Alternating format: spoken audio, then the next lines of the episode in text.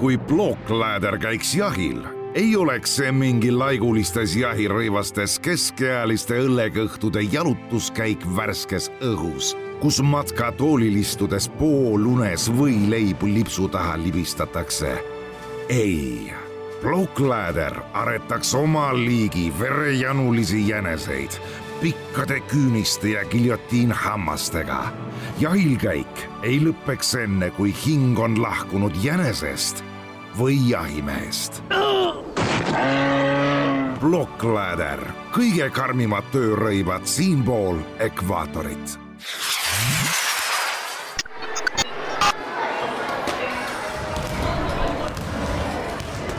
Tervist, eetris on Peep Pahvi ajahüpete järjekordne saade ja täna on mõnes mõttes ajalooline hetk, kui siiamaani on see saade olnud puhtalt meeste pärusmaa, siis täna on meil stuudios esimest korda naisterahvas. hea meel on tervitada legendaarset vehklemistreenerit eh, Helen-Elis Naukast. tervist! on uhke tunne ka, et esimese naisena oled saates või? no ma ei teadnudki no vot, mulle endale tuli ka see praegu meelde lihtsalt enne, kui ma hakkasin saadet sisse juhatama. no ma tavaliselt alustan kõigi külalistega sarnase küsimusega, et sa oled ise vehklemistreener, kunagi olid ise vehkleja, et ma tean, et vehklemistreenerid tegelikult ju hoiavad mõõka päris tihti käes, aga millal sa ise niimoodi klassikaliselt vehklesid viimati? Oi, ei mäleta isegi lastega trennis enam ei vehkle, ei ole lihtsalt aega. ma terve trenni annan ideaaltundi. et äh, see oleks aja raiskamine. aga kostüüm on alles veel või, vana mingi kostüüm kuskil kapis? kostüümi ma kasutasin, et tead, vana ei ole aga ma panin endale viimati kostüümi selga siis, kui Aapo Puki maalilaagris taheti mind maalida. siis ma panin valge liiguna selga, jah.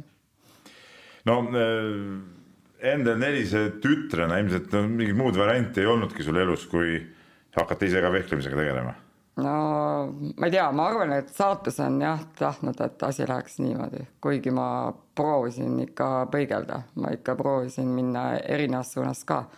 et pärast äh, kaheksandat klassi ma tahtsin minna Räpinasse aiandust õppima ja pärast keskkooli lõppu ma tahtsin minna ajakirjandust õppima.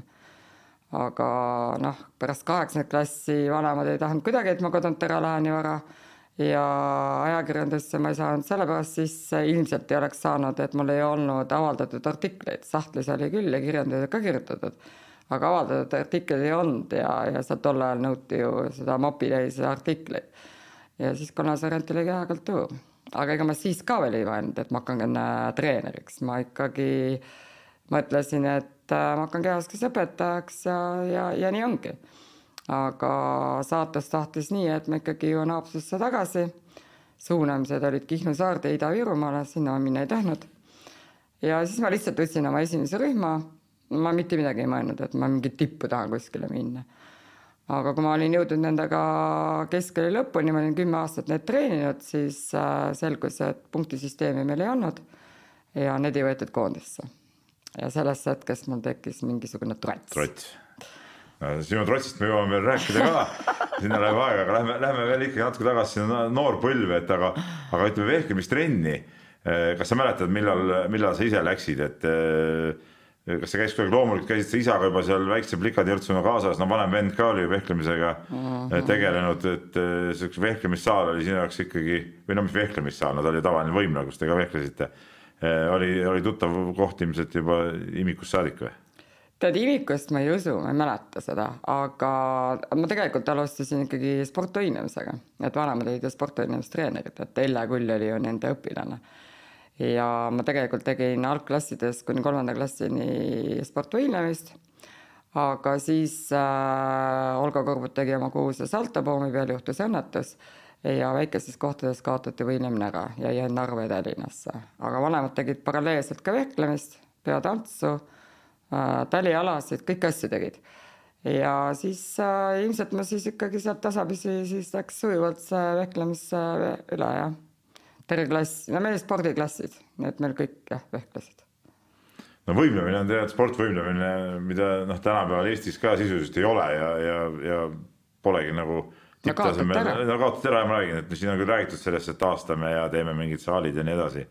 see on ka päris julm spordiala, et, et kui sa kolmanda klassini käisid, et et mida, mida nii väiksed tüdrukud seal tegid, et et rohkem see, ütleme, see vabakava harjutusi või, või olidki need poomid juba ja No need erinevate kõrgustega rööbaspuud ja need asjad kõik kõik, olid kõik asjad, ma olen ikka kõik asjad ära teinud, aga ja meil äh, klassiteadlased äh, sportvõimlemise võistlused ja, ja aga noh, selles suhtes ema ikka ütles, et sinust ei oleks saanud tippsportvõimlejad, sellepärast et sa kartsid ja ma kartsin. kartsid siis tegelikult ka või?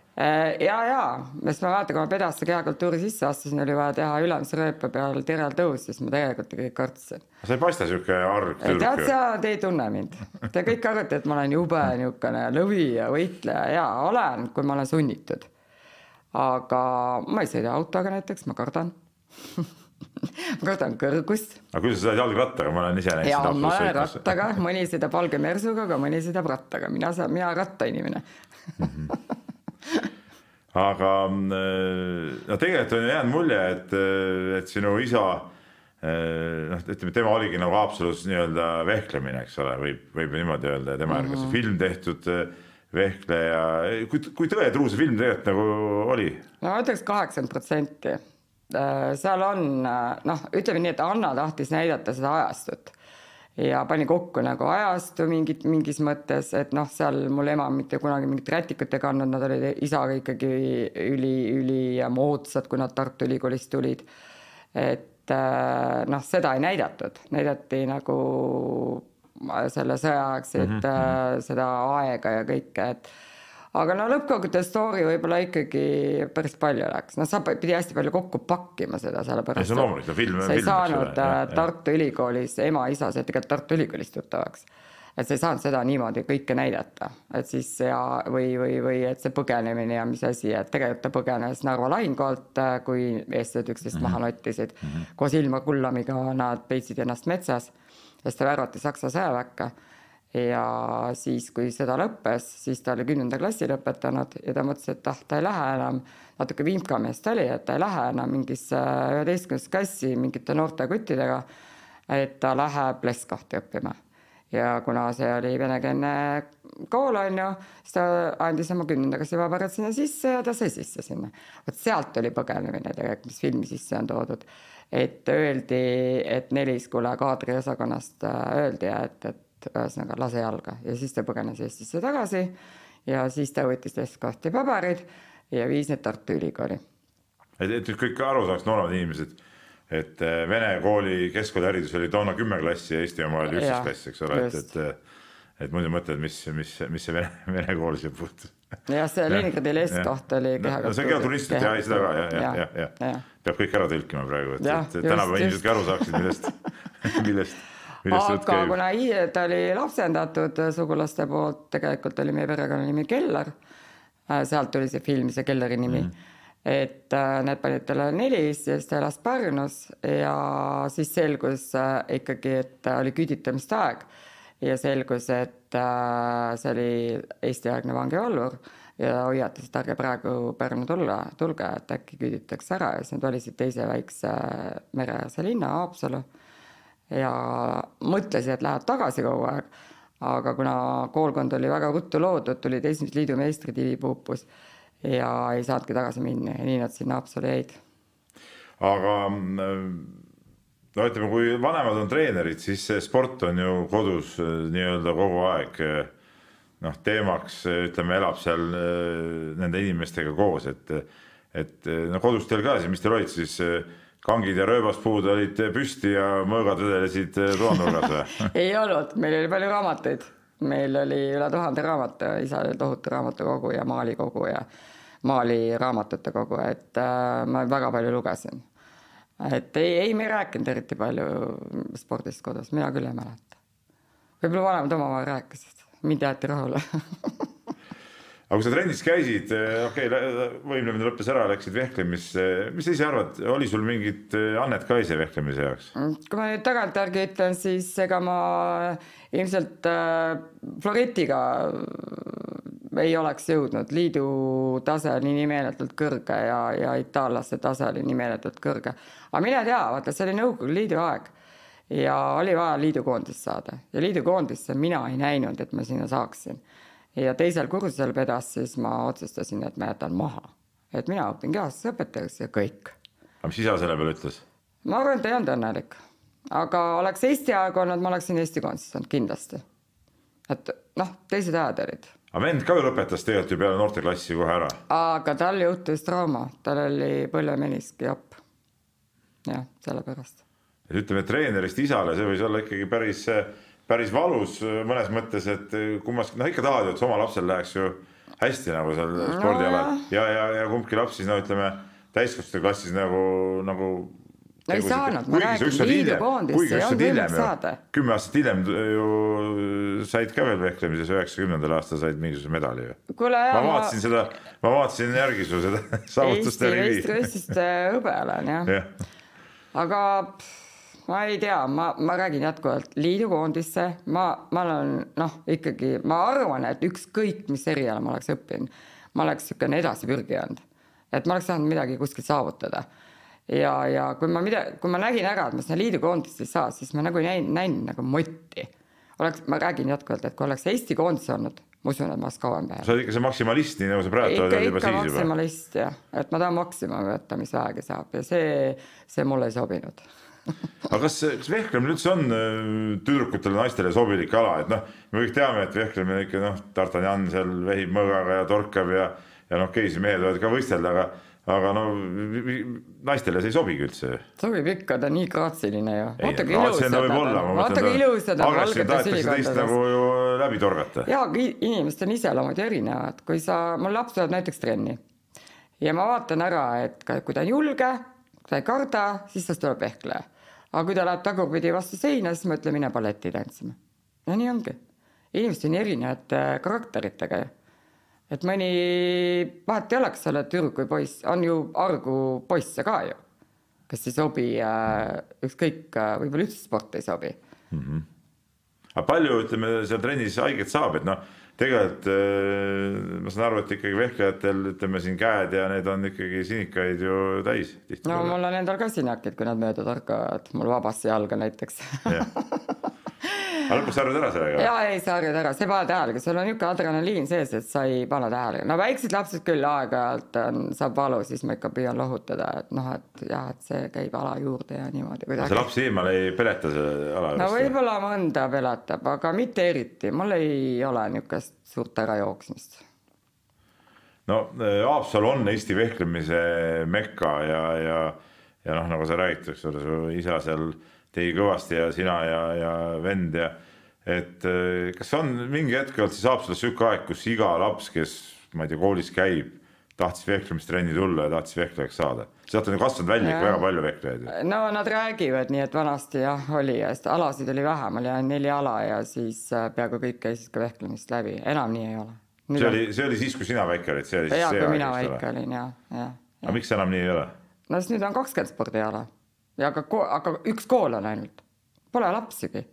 äkki oleks pidanud äh, võitlema ja mitte laskma Haapsalusse teisi spordialasid? ja vot see ei ole minu teha kahjuks nojah, aga no ütleme, kui ühel alal läheb hästi, no siis see populaarsus on ju nagu loomulik, eks ole, et, et kui, kui tulevad ka tulemused, siis ju lapsed tahavadki tulla ja saada. ja see on sihuke kahatsaga asi, ega kõik ei taha tulemusi.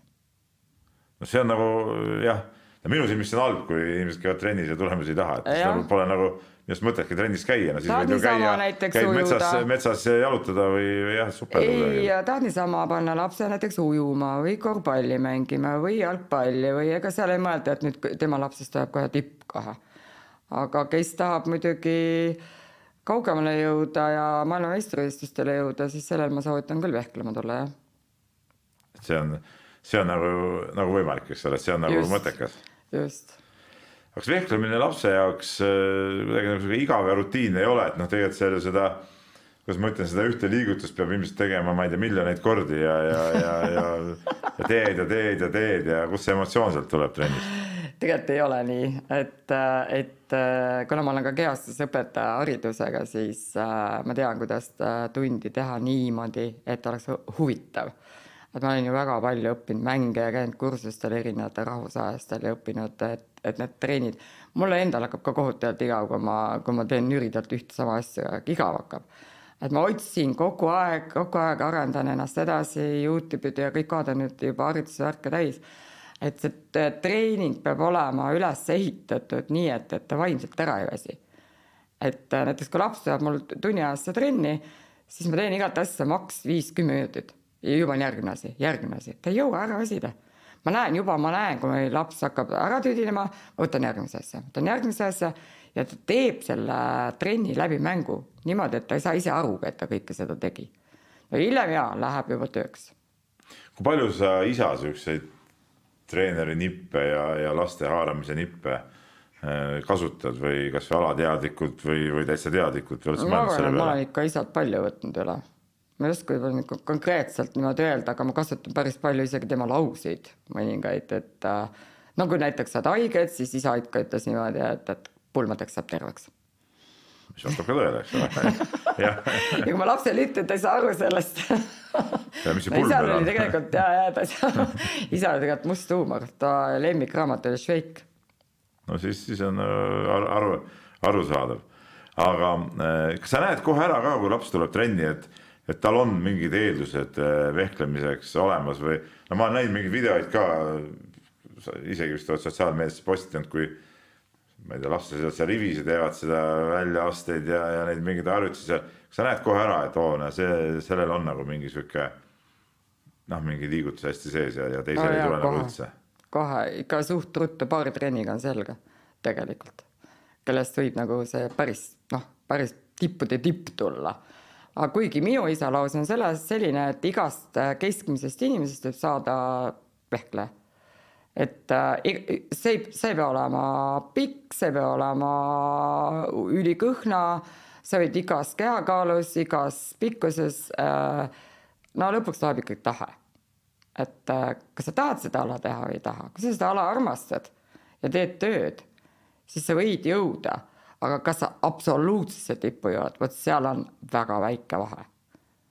aga mis on sinu jaoks äh, nagu huvitavam, kas äh, viia üliandekas inimene, noh, ma ei tea, koondis äh, rahvusvahelistele võistlustele, võitudele või mingi täielik tumba-jumba, kel pole mitte midagi antud, viia, ma ei tea, Eesti meistrivõistluste pronksini näiteks, meeletu tööga.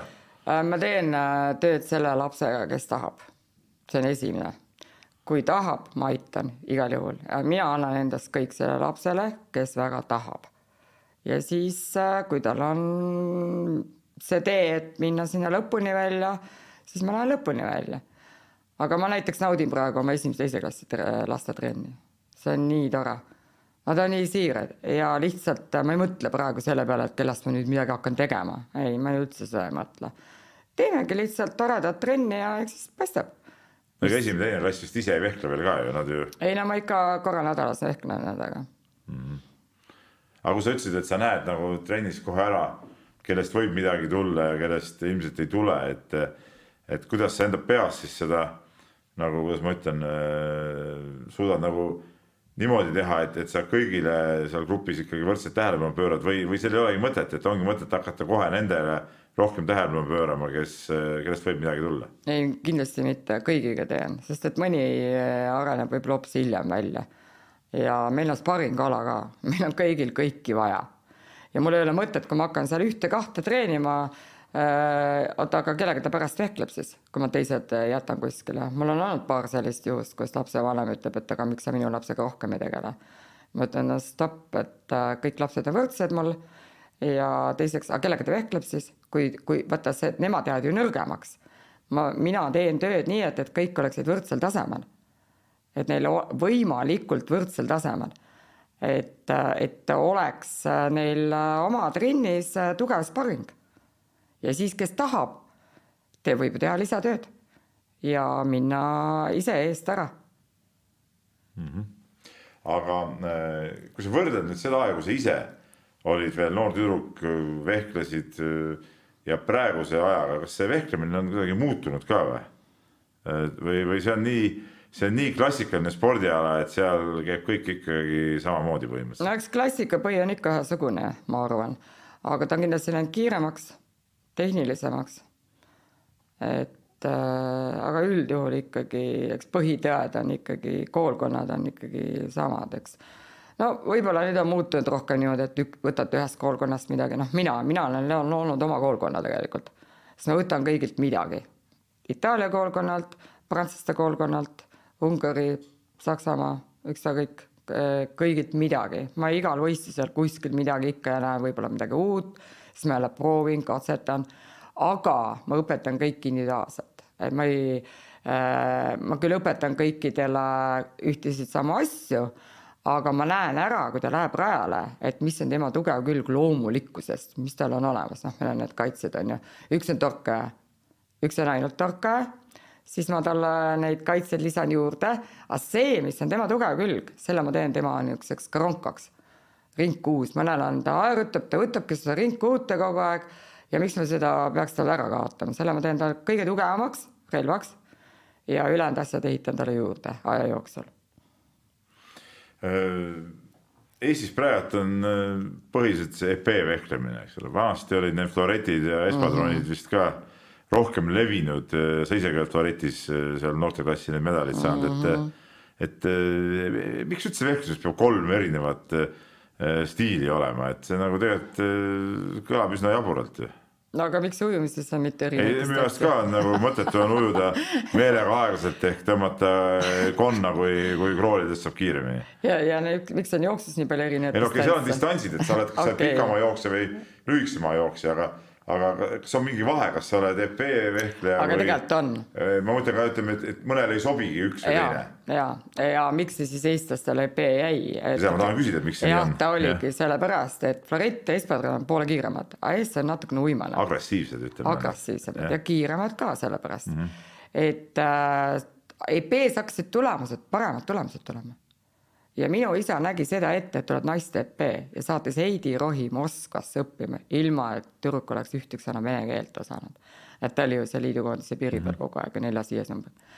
et ta nägi ette, mul isa oli üldse selline, kes nägi hästi palju ette ja ta hakkas viljelema rohkem EP-d ja teised tulid varsti järgi ja oli need äh, Florett ja Espadron lihtsalt vajusidki ära no see EP ongi sellest, ta soovib, et ta on põhimõtteliselt ühe koha peal keksimine. ei no päris nii ei ole, nagu aga ta ei ole, ütleme, jooksmine ühest raja otsast piltlikult teise, öeldes võrreldes teistega, ta on ikkagi kuigi ühe koha peal keksimine. kuigi ma imestan, mulle enam üldse Florett ei meeldi, ma vaatan Floretti võistlust, seal on sihuke passimine, seal on hullem passimine kui EP-s.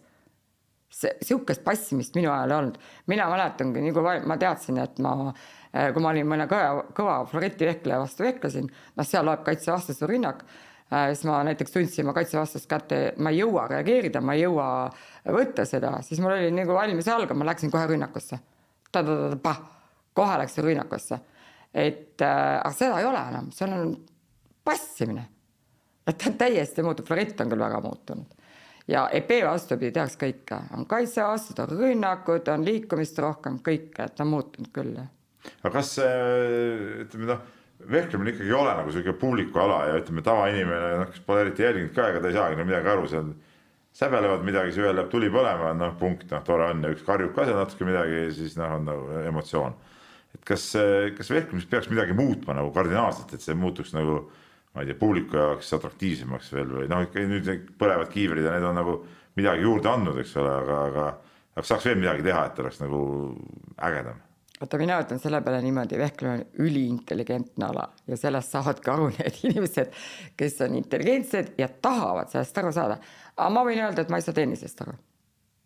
ei, ei, ei, ma just mõtlengi praegu seda, et, et noh, tennisest, tennist on sellest lihtne vaadata, et lööd üle võrgu ja, ja piiridesse okay, on punkt, eks ole. aga, aga vehklemist on nagu tavainimesel raske keerulisem, et neid vaadata. võtteid seal kiiresti näha, et noh, ma arvan, et võiks olla rohkem seda aegluubis äh, torgete näitamist, et suurtel võistlustel ei olnud tegelikult mm. -hmm. et ta näeb ära, kuidas see torge nüüd seal tuli selle, et see tegelikult see on aegluubis on väga huvitav vaadata.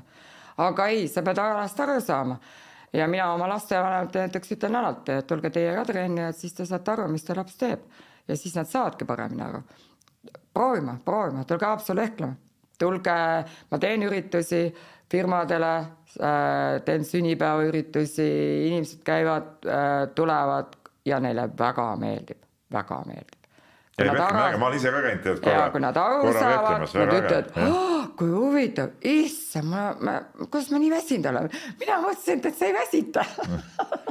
ja ei, see väsitab ära ja iseenesest on põnev ka muidugi, et, et. väga põnev ala, väga põnev ja tegelikult. tegelikult on ka vaadata põnev, et ma nagu praegu kehastusingi nagu siukseks tavainimeseks võib-olla. et kui sa aru saad, ta on ikka tegelikult jah. väga huvitav.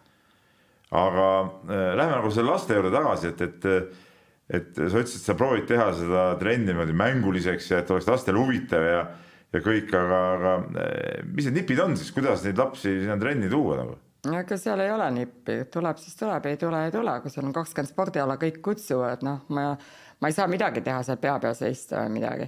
et koolis mul oli lihtsam, kui ma käisin koolis, siis ma vaatasin äh, ära ka talendid, värgid, särgid ja siis ja kutsusin trenni, aga praegu mul on lihtsalt ajale järgi ajale kuulutus või, või, või jagan äh, neid flaiereid kooli algul, et tulge trenni ja, ja ongi kõik. Et mul ei ole nagu võimalik enam mingit suuremat reklaami teha, et kes tuleb, see tuleb. Aga mis sa sellest arvad, et äh, paljud spordialad käivad juba lasteaiast lapsi ära korjamas? Ja, ja ütleme, mõned alad, noh, mida ei saa noh, päris mudilasena harrastada, no ütleme, jalgpalli on lihtne korjata, noh, igaüks saab ju, iga väike, ma ei tea, kolmeaastanegi võib ju jalaga palli lüüa, pall veereb ja, ja noh, mhm. kõik, kõik sujub, aga ütleme noh, ütleme sinu ala ei saa niisugune väike laps teha, et, et kas see on nagu õige, et lasteaias käiakse noolimas niimoodi? tead, tegelikult ma saaks mina ka ja mind on isegi kutsutud lasteaeda, aga mul lihtsalt ei ole, esiteks mul ei ole aega tegeleda nendega ja ma olen öelnud, et ma ei võta ennem kui esimesest klassist. aga ma ei ole selle poolt ka, mina leian, et kuni koolini peab lapsega sporti tegema lapsevanem. ja selline grupis äh, distsiplineerimine, laps saab mängida vaba olla et äh, hakata teda seal äh, grupitreeningutes treenima ja siis on neil viiendaks klassiks on neil kõigest nii kõrini, et nad ei tee üldse enam sporti. et ikkagi hiljem võiks alustada sellist äh, organiseeritud treeningut. kas lapsed teevad liiga vähe sporti praegu? ma ei tea no,. sa näed ju lapsi kogu aeg meil on kõik trennid on lapsi täis. mina ei tea, mõni käib mitmes trennis, ma küll ei no kurdetakse kogu aeg, et ülekaalus, lapsed ei viitsi, nutiseadmed, kõik no, asjad. nutiseadmed on küll, aga kui ta trenni tuleb, siis ta nutiseadmes ei istu ju aga noh, kindlasti on lapsi, kes ei käi trennis, aga noh, et see on siis lapsevanema valik. mõni käib väga paljudes trennides jälle.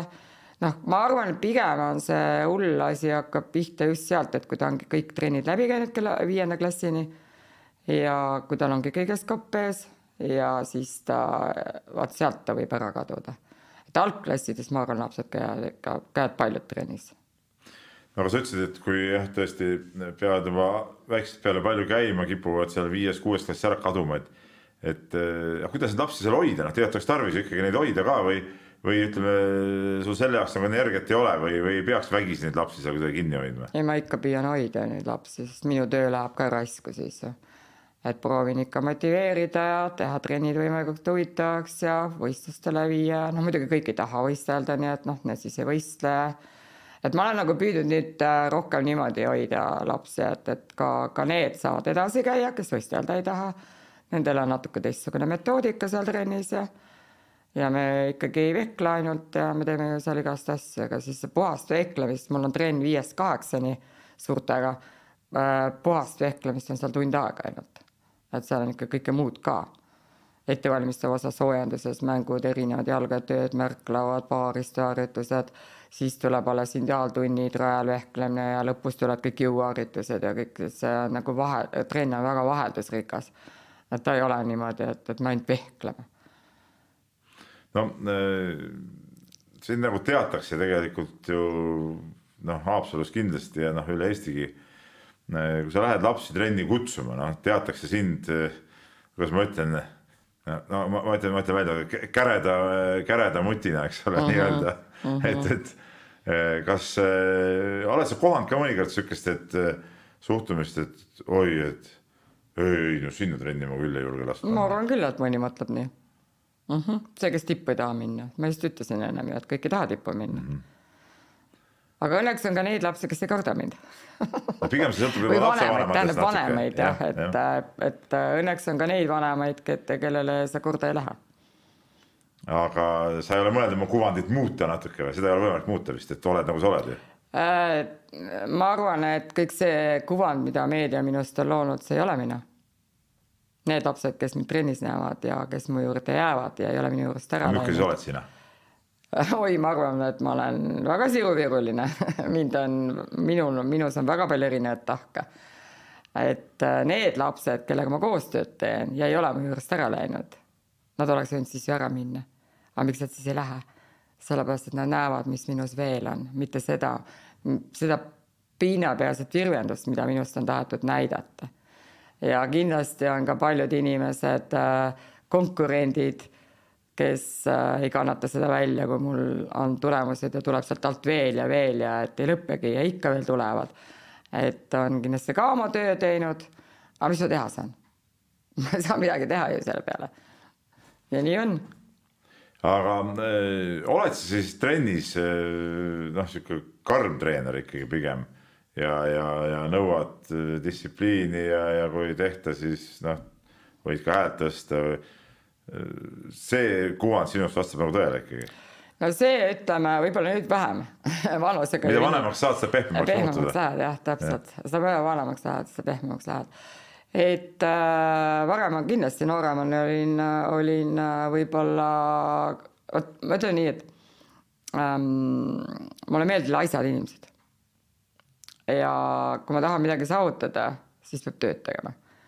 ja vot sealt, seal olen küll praganud jah, et ei uimerda ja teeme ja mokalaat, isa sõna, lõpetage mokalaat aga see on natuke isast pärit siis ikkagi see. no võib-olla küll jah, midagi oled sa vennaga ka sarnane siis selles mõttes? vend paistab nagu kõrvalt nagu, nagu väga rahulik mees olevat sinuga võrreldes.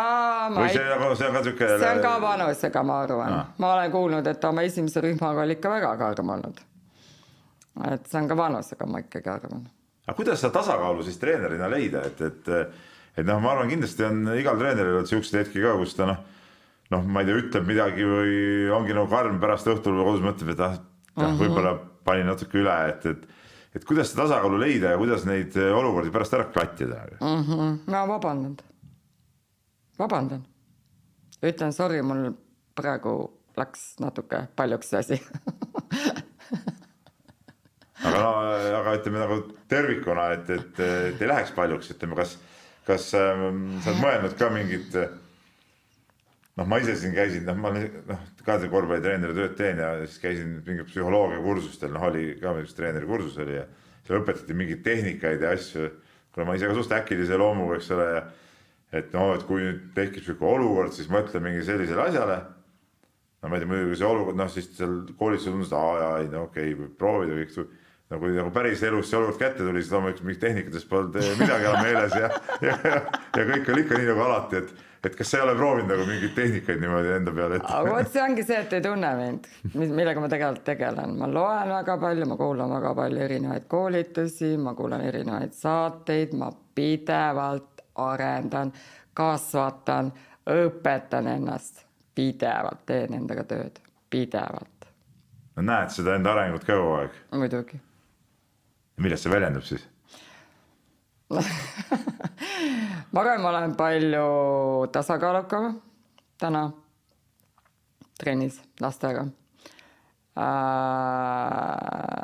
ma proovin neid olukordi üldsegi ennetada. et äh, inimesed ei pea teadma, mis ma, mis mu peas toimub. ja ma proovin rääkida ära kõik, mida ma näen, et me jõuaksime sinna, sinna või sinna Äh, küsin õpilaselt, mis on ta, mis, mis, mis on ta enda soovid, kuhu ta tahab jõuda. Mm, kõik see koostöö, nagu ma olen üritanud seda koostööd parandada, et äh, laps saaks aru, mida mina mõtlen. ja siis ma soovin loomulikult ka tagasisidet, et me arutaksime omavahel asjad paremini ja rohkem läbi, et kes, mis, mis eesmärgid meil on, mida me tahame kui palju me teeme. ma olen nüüd kogu aeg korrutanud seda, et palun kõik, kõik, kõik probleemid, mis teil peas on, palun mulle ära rääkida, ma pean teadma, mis teid segab, et minna sinna ja sinnamaani välja. ükskõik mis, kui teil on kuskilt valutab, see segab treeninguid, ma ei tea, ma pean teadma isegi psühholoogiliselt, kui teil on, kas teil on näiteks koolis raske olnud, kas teil, kas sa tunned, et sul on kopp ees, sul on äkki vaja puhata Äh, ma küsin hästi palju, et kuidas sa ennast nüüd tunned, kuidas sul täna on, kas äh, no ühesõnaga suhtlen äh, väga palju sellest, et kuidas keegi ennast tunneb. kas seal on kõik okei okay?. et ma räägin tunduvalt rohkem kui, kui, kui varem.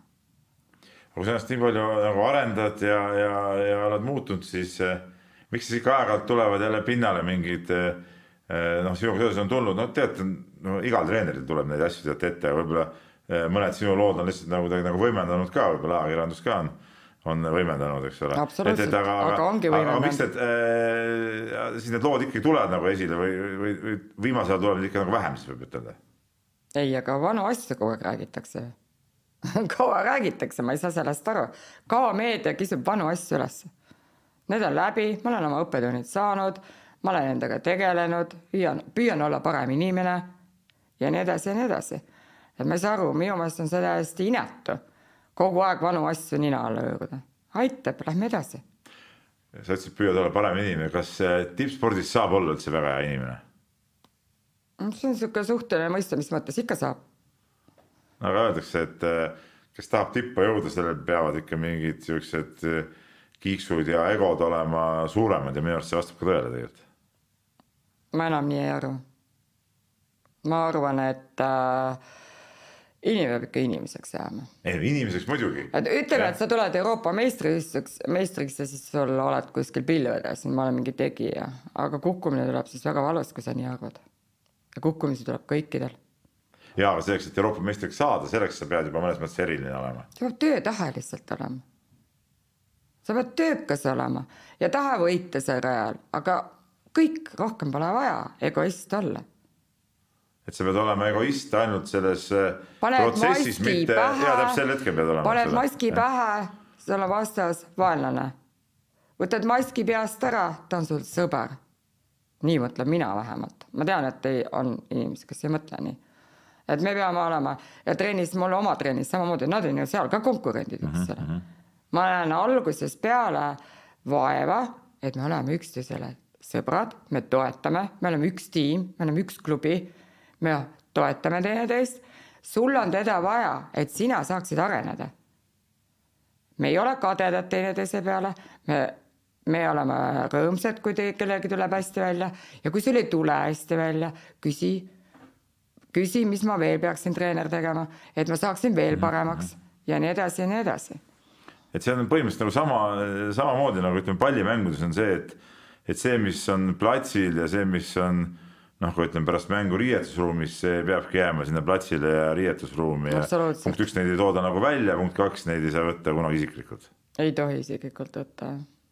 mina arvan, et äh, ikkagi väga oluline on, et kui sa seal jaa, võitled enda eest, aga pärast äh, suudad ikkagi inimene olla. Äh, no sul on päris palju olnud õpilasi, kes on jõudnud, ütleme Eesti tippu, noh Katrin on jõudnud Euroopa meistriks, Kristiina Kuusk, kes on ka sinu juurest tulnud Euroopa hõbedale. mida peab nagu tegema selleks, et ühest sihukesest tavalisest tüdrukust, noh, alguses on ju kõik ikka mingis mõttes tavalised mm, -hmm. kasvatada siis noh, Euroopa meister? järjepidev töö ja kannatlikkus. Igapäevane rutiinne töö, igapäevane rutiinne töö ja kannatlikkus ära oodata see, millal ta siis need tulemused tulevad. aga sa ennist ütlesid ise ka, et, et, et äh, sihuke rutiinne, noh, see ühe liigutuse tegemine on nagu tüütu, et kas te, kas sihukest. minu rutiin, kas... minu rutiinne töö, sa küsid, mis mina pean tegema. see on minu rutiinne töö.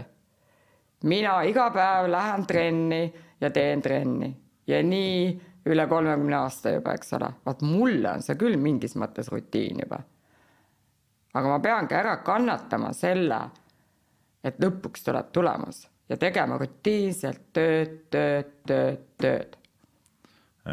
Kui raske rutiini talumine tegelikult sinu jaoks on?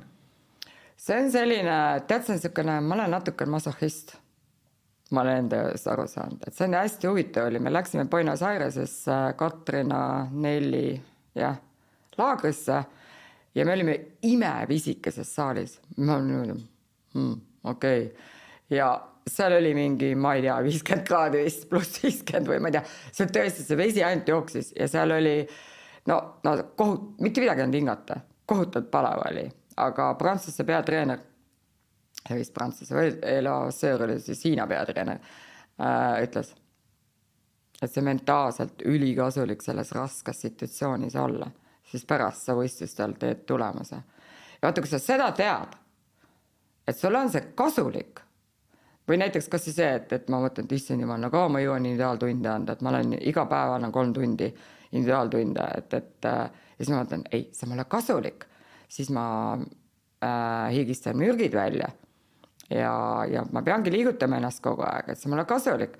et ma mõtlen kogu aeg, kui läheb raskeks, mõtlen, ei, see on mulle kasulik. Ja see nagu aitab sellest, äh, sellest rutiinist ja kõigest sellest nagu, nagu üle saada. kokkuvõttes peab see ka su õpilasele kasulik olema, eks ole ja, ja et, et on noh, meile mm, -hmm. ütlen meile, et see on meile kasulik ja seda ma räägin ka õpilasele. et see tuleb praegu ära kannatada, see tuleb praegu ära taluda, see on praegu väga raske või näiteks, kui ma teen üliraske individuaaltunni, nii et, et et õpilasel mõnikord tuleb ka pisar silma. No ei tule välja, ei tule välja, siis ma lasen uuesti teha uuesti, uuesti, uuesti. ja, ja siis ma ütlen talle, et nii, nüüd kuula maailma üks parimaid ehklejaid, Pavel Kolokov, venelane, ütles sellise lause. kõik minu individuaaltunnid olid nii rasked, et ma surin sinna. aga ma läksin võistlustele ja mul oli pidupäev, sest ma võitsin kõike. ma ei tea, kui palju nad sellest aru saavad, sellest lausest. no see on ju põhimõtteliselt teiste sõnadega raske treeningul või, või raske õppuse kerge lahingus, eks ole, jah, jah.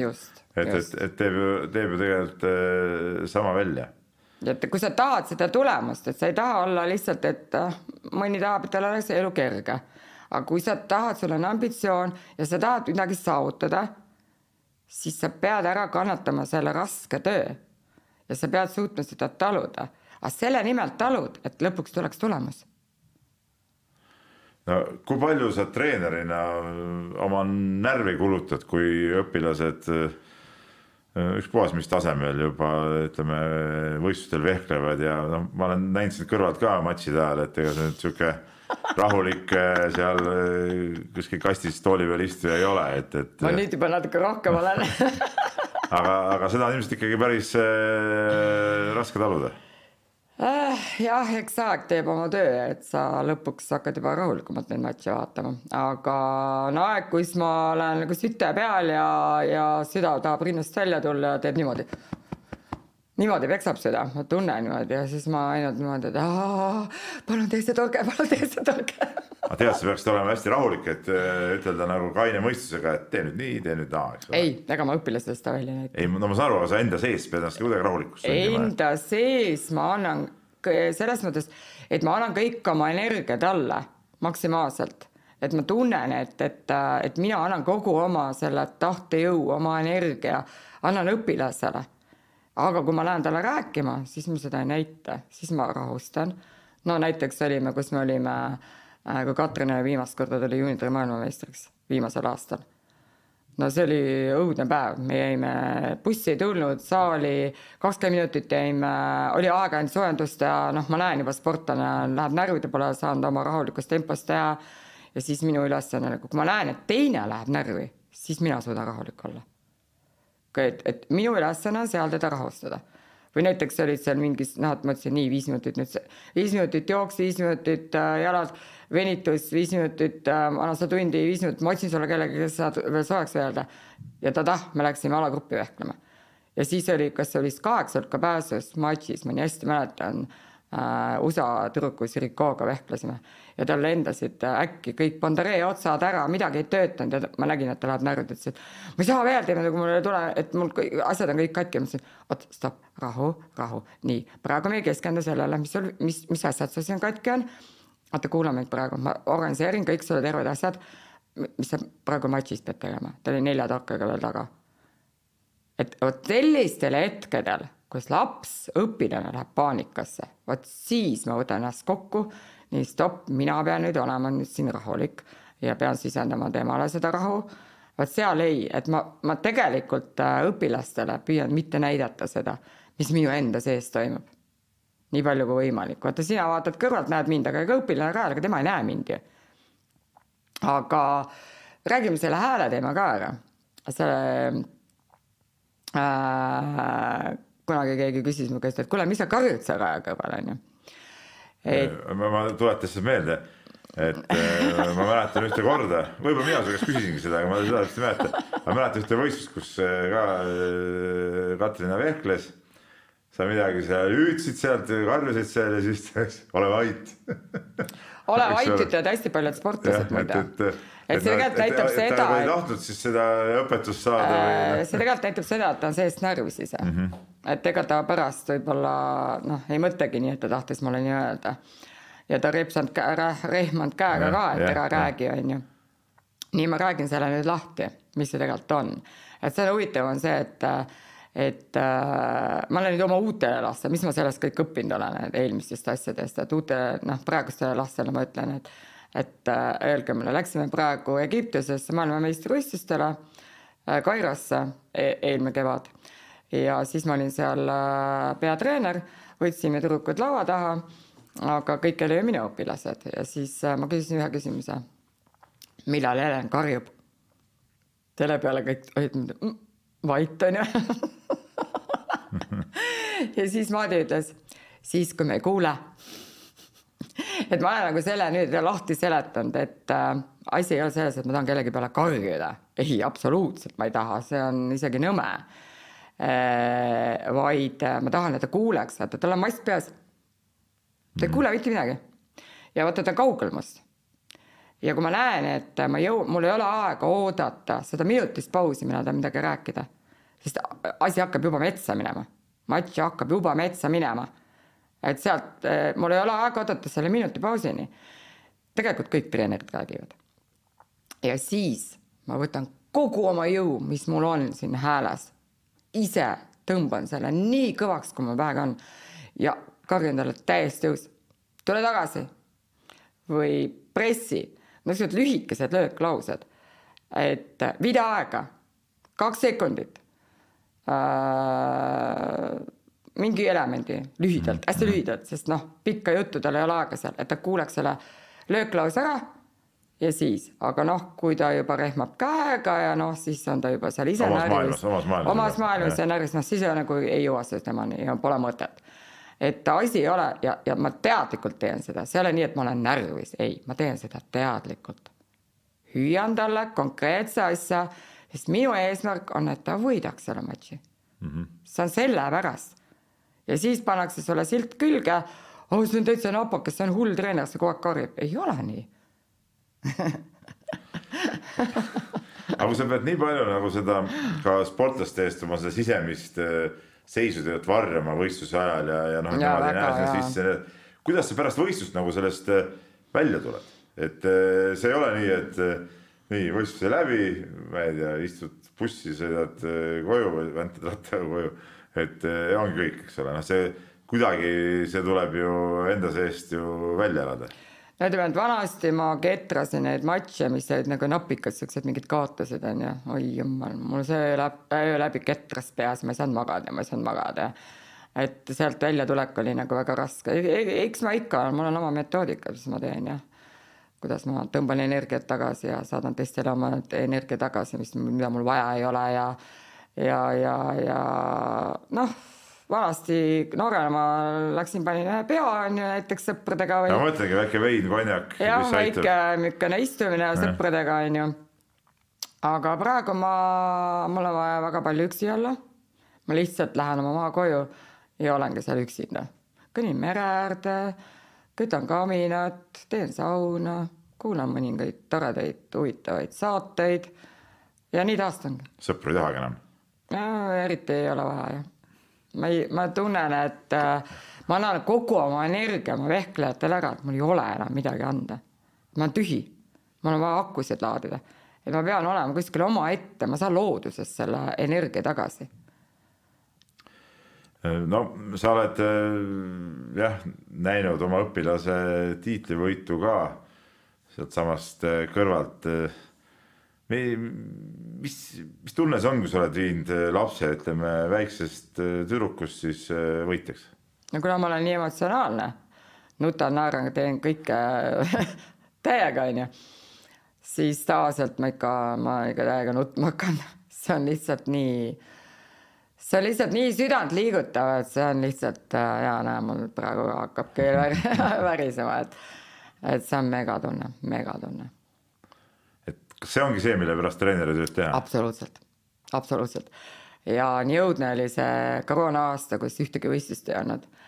ja noh, sa pead ju lapsi motiveerima, et, et, et ükskord taastub, et teeme ikka trenni edasi ja et need võistlused tulevad tagasi ja et see oli nii raske aasta selles mõttes, ühtepidi puhkeaasta aga teistpidi, et võistlusi ei ole, no kuidas, kuhu sa minema hakkad siis, et sa pead ju läbi võistlust aru saama, kus me oleme ja kus meil vaja edasi liikuda on. Ja nüüd, kui need taastusid ja Oliver Laasik tuli seal Budapesti kadettide Euroopa karikaetapil tuli pronksile. ma sain täpselt sellesama emotsiooni tagasi. ma hüppasin talle kaela, ma kallistasime, nutsime, me naersime koos, me olime nii õnnelikud et ja siis ma ütlesingi, et issand, vot sellepärast ma seda tööd teen, teengi, nende emotsioonide pärast. sport on emotsioon, ärge tulge mulle ütlema, et ma ei tohi olla emotsionaalne. mis jutt, sport ongi emotsioon. ja, ja see on absoluutselt nõus, sport ongi emotsioon. sellepärast seda tehaksegi. ja muidugi, ja see on ka, et, et kui sa eh, oled suutnud, oled saanud nagu siukse tiitlivõistluse emotsiooni, et siis suuta seejuures veel, ma ei tea, järgmine kord eh, nautida ka B-klassi võitu või juunioride võitu samamoodi, et, et, et see on veel eriti kõva, võib juhtuda nii, et et need, ütleme, väiksemad võidud ei pakugi enam siis sellist äh, huvi. minul küll nii ei ole, ma, mina tunnen rõõmu igast D-klassi, C-klassi kadetti, juuniori Eesti võistluse tulevikuetappi, mis iganes, ükskõik mis taseme see võistlus on, lastevõistlus, ma elan sealt täpselt samamoodi kaasa, nagu ma elasin Katrinale kõikidel võistlustel kaasa, täpselt samamoodi. uued lapsed, nende, nende tee alles algab täpselt sedasama, ma kaifingi seda, kuidas ma näen lapse arengut. Kuidas ma näen, kuidas ta liigub edasi. Ja vot tema ja elan tema emotsioone läbi samamoodi, temal on, tema kurvastab, mina olen kurb. Tema rõõmustab, mina olen rõõmus. iga uue lapsega ma olen täpselt sedasama uuesti, täiesti, ma mõtlesin ka, et et, et äkki ma ei, et ma tahan veel kaugele minna, muidugi ma oleks tahtnud minna olümpiamängudele ja kõik loomulikult, aga tegelikult ma tunnen äh, nendest äh, uutest arengutest, uute laste arengutest täpselt samamoodi rõõmu tunned sa, et see sinu emotsionaalsus on sulle ikkagi ka mõnes mõttes äh, karuteenet teinud või, või kuidagi teistpidi kätte maksnud? tead, aga ega me ei saa ju ennast muuta lõputult. et äh, ma olen mõelnud, et äh, ma saan ennast võib-olla kontrollida rohkem, aga ega ma oma emotsionaalsust ära muuta ei saa. ma ei saa seda muuta, see olen mina. ja siis ongi nii, et äh, kellele ma sobin, nendega teen koostööd, kellele ei sobi, ei tee ja nii ongi no äh, sinu ja Katrini nii-öelda nagu sellest lahkuminekust, noh, sest on nii palju räägitud, eks ole, ja, ja ja olnud igasuguseid eh, teemasid ja, ja eh, asju üleval, noh, siin oli ju telesaadegi hiljuti, eks ole. Kas sa nüüd takkajärgi ütleme ise oma tegutsemist teeks midagi teistmoodi ka või? no ma olen seda nii miljoneid kordi läbi mõelnud oma peas ja mõtleme siiamaani, mida oleks saanud teisiti teha. et vaata, sellest ei ole kasu, et mina mõtlen. No ma mõtlen tuleviku jaoks ei tule kas sul on ju veel, sul on ju veel õpilasi tulemas. absoluutselt, loomulikult oleme igasuguseid äh,, igasuguseid asju ümber teinud, noh, seesamane, mis ma ütlesingi, et ma Katrinale ei rääkinud oma võitlusi. ma ei rääkinud kas või seda, et äh, te näete minu, minu, minu äh, tööd teiega saalis ainult, aga te ei näe, kui palju ma istun öötunde üleval, iga päev neli-viis tundi ja otsin teile lennukipileteid, hotelle, kui palju ma orgtööd teen et ta ei osanud, ma arvan, et ta ei osanud üldse seda hinnata. et ma praegu räägin oma lastele kõik, mida ma teen, et nad näeksid tegelikult, mis ma nende jaoks teen. teine asi, mis ma ei äh, rääkinud, ma arvasin, et tema, et, et, et ma säästan teda, et las ta ainult vehkleb ja kõik need alaliidu möllud ja kõik need asjad, mis on olnud tema te,, tema pärast, tema pärast. Äh, ma ei, ma ei rääkinud talle ja siis, kui üks moment ta äkki nägi, et mis toimub, et, et, et, et mingi noh, midagi nägi. ja siis ta ütles, et aa, et oota, ma ei mäleta, mis ta ütles mulle, et, et, et sa oled kõikidega riius oot, oot, oot, oot, oot, oot, oot, oot, oot, et siis, siis ma sain aru, et, et ta ei saanud üldse mitte midagi aru, mis tegelikult toimunud oli, mis ma tema jaoks teinud olin. ja et vot, vot seda ma ei taha korrata aga selle ma räägin oma lastele kõik ära. Et, et, et kõik, mis ma teen et nad saaksid aru, et ma teen nende jaoks. ja mina aitan neid. et nad hindaksid seda, sest minu arust Katrin ei hinnanud seda. no mulle vähemalt jääb sihuke mulje, loomulikult ta võib mulle nüüd öelda, et aa hindasin küll, aitäh, aga mis aitäh oot-oot-oot, mis aitäh ta, see oli mu elutöö, ma tulin koolist sellepärast ära, et ma saaks temaga rohkem koos võistlustel käia. ma pühendusin talle kakssada protsenti.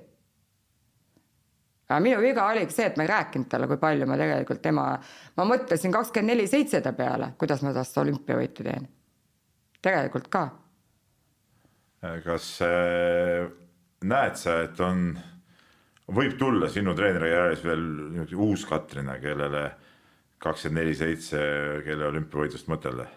no praegu see vanemate rühm, kes mul on, ma usun, et äh, sealt võib ähm, kellestki küll tulla jah, aga see muidugi nõuab väga palju tööd veel, veel kümme aastat, minu vanus ta-ta-ta on ju aga no näiteks no, ka. kümme aastat sa võid veel töötada küll. ei, kümme kindlasti, ühesõnaga ma tegelen sellega, et ma oleksin võimalikult terve ja mul on selle jaoks eraldi spetsiaalsed toitumiskavad, äh, erinevad vitamiinid, asjad, ma teen selle jaoks kõik, et ma oleksin võimalikult terve ja peaksin võimalikult kaua vastu.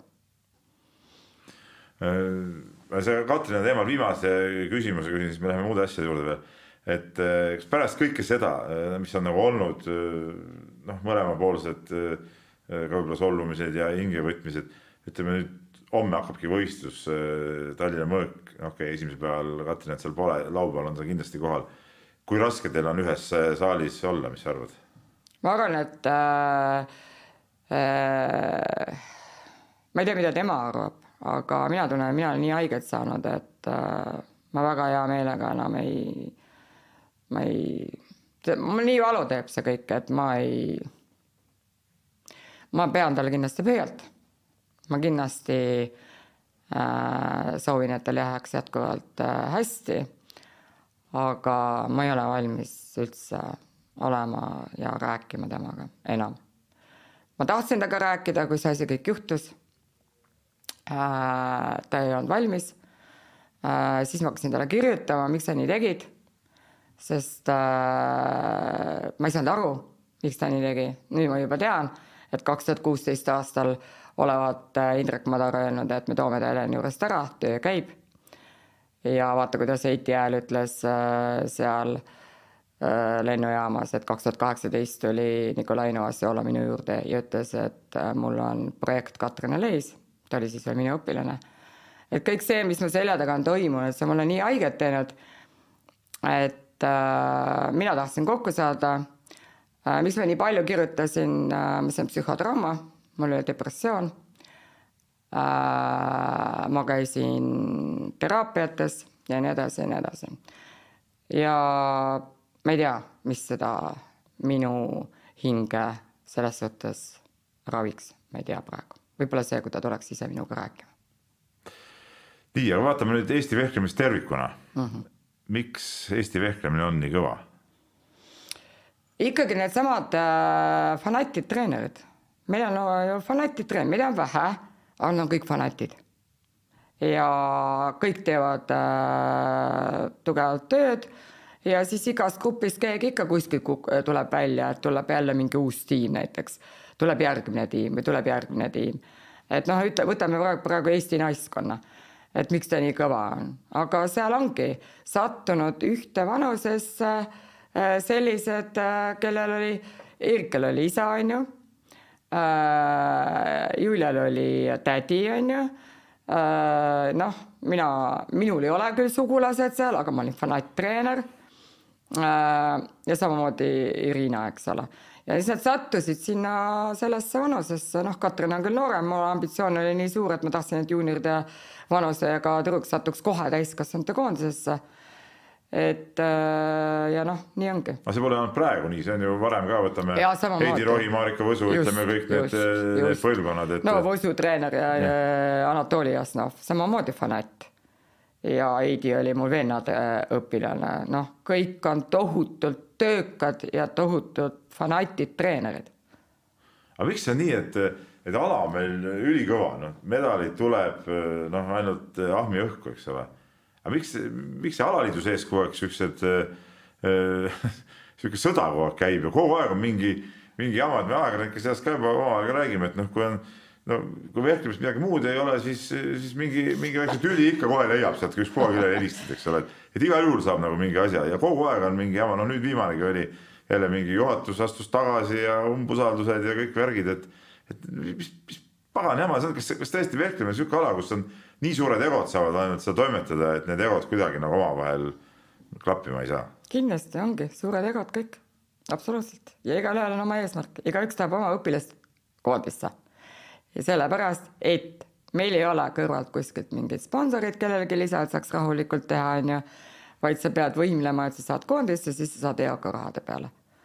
ja nii ongi, kõik võitlevad, et tema õpilane oleks. Ja kui keegi jääb seal mingit pidi välja, siis on solvumised, siis on äh, ja nii edasi. aga ma ikkagi arvan, et äh, neid asju on teistel aladel ka, nad lihtsalt ei ole äh, pildis nii palju, sest seal ei ole tulemusi.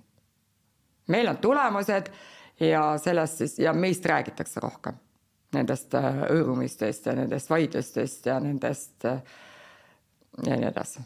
Need hõõrumised paistavad võib-olla sellepärast rohkem välja, et, et meil Vehkel on küll väga tugev, aga tegelikult äh, neid tegijaid ja keskusi on nii vähe, et, et neid ka neid tipptreenereid on nii vähe. et, et, et siis nagu ütleme, kaks-kolm inimest arvavad, kõik arvavad omamoodi ja siis ongi juba uh. -huh. ja klubi ka ja siis ongi juba tüli majas, eks ole. no võimuvõitlus. kuna, alaliit koosnebki üheteistkümnest klubist ainult, eks ole. ütleme nii, ma toon ühe näite, võimuvõitlus, meil on kolm saali, Haapsalu, Tallinn, Tartu. nii, igaüks tahab, et tema saaliks oleks treeninglaager. ja see juba on tüli mina üritan, et oleks võimalikult äh, no,. roteeruma saaks. ja, et teeme rotatsiooni korras, ei, aga kui üks ütleb ei, aga siis ongi tüli. sest ei ole valmis rotatsiooni korras tegema. ongi tüli. või näiteks äh, üks tahab, mina, et oleks neli punktidega. ma olen selle eest võidelnud terve elu, neli punktidega. miks? mina leian, et sportlane, kes on saanud võistlustelt oma punktid kätte, on saanud nelja hulka, ta on ära teeninud oma kohas seal koondises. talle ei tohi liiga teha. aga meil on ei, ei peatreener vastutab, oota, millega ta vastutab? Pole ükski peatreener mitte millegi eest vastutanud. ükstapuha, oled sa olümpia neljas või, või sa ei jõuagi olümpiale või sa oled äh, esimene, ükskõik mina leian, et sportlasel on õigus saada oma koht koondises individuaalselt, vähemalt individuaalselt. kui ta on oma kohas nagu välja võidelnud, nelja hulka. nii mitu tükki saab Euroopa meistrivõistlustel öelda, neli tükki, neli esimest saavad sinna oma, oma koha. okei okay,, siis nad hakkavad rääkima, aga kui tal oli vigastus. no mis siis? kui oli vigastus, siis oli vigastus, siis puhkad see aasta. mis teine, miks teine selles süüdi on? -hmm. no mingi loogika on selles muidugi olemas jah, võtame kasvõi kergejõustikus äh, USA katsevõistlused pead olema esimese kolme oluliselt olümpial saada, sa võid olla maailma valitseja, kui sa seal kõrbed või ma ei tea, on sul vigastus või, või midagi juhtub, siis no, sa ei saa olümpial ongi kõik nii ongi jah. et selles suhtes sport on nagu karm nagu mõnes mõttes. absoluutselt karm, aga teine ei ole selles süüdi. tema, ja küll, äh, kui on vigastus, jah, see võistkonda valige see neljas siis.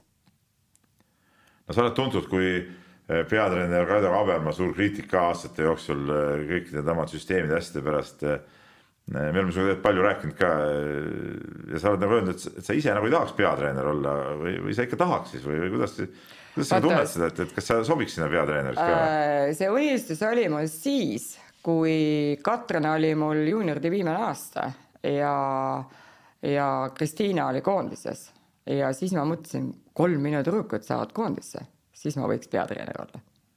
aga noh seda pole juhtunud ja enam ei taha ka küll sa oled nagu nende noorte juunioride koondistega küll ja küll teinud. ei no nendega, nendega ma olen kogu aeg olnud, kas kadettide peatreener või juunioride peatreener, et jah, need küll, aga täiskasvanutes, eriti nüüd mm, -mm, ei, ei soovi, aitäh eks praegu ongi raske minna, et et kui maailmameistriks või uuesti olümpiavõitjaks ei tule, siis oled igal juhul kehvemini teinud kui Kabermaa, eks ole. tead no,, ma isegi ei mõtleks niimoodi. selles suhtes, et äh, üldsus ilmselt igal juhul nii on aga see mind üldse ei huvita, mida üldsus arvab. selles mõttes, et kommentaariume on ju täis, kes panevad, äh, ma arvan, et see käib minu kohta, et on äh, intrigante, tead see ja oota, viimane intrig-, äh, viimane oli juhatuses, ja et see intrigant ei saanud sinna juhatusse, ma pole sinna tahtnudki saada ja ma ei taha ka peatreeneriks saada, kallis Eesti rahvas see nüüd on see ka nagu välja öeldud, eks ole. just, ma ei tahagi sinna saada, ma tahan oma õpilasi treenida. Selge, aga tegelikult selle avaldusega on päris hea saadet kokku võtta, et me oleme siin juba tublisti üle tunni aja rääkinud ka ja, ja väga, väga ka emotsionaalselt ja, ja huvitavalt, nii et eh, suur tänu sulle tulemast ja, ja edu nädalavahetusel sinu õpilastel võistlustel mm. -hmm, aitäh.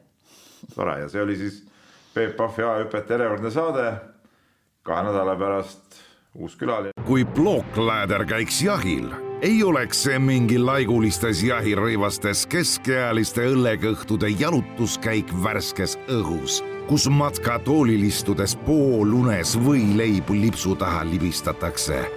ei, plokkläder aretaks oma liigi verejanulisi jäneseid pikkade küüniste ja giljotiinhammastega. jahilkäik ei lõpeks enne, kui hing on lahkunud jänesest või jahimehest. plokkläder, kõige karmimad töörõivad siinpool ekvaatorit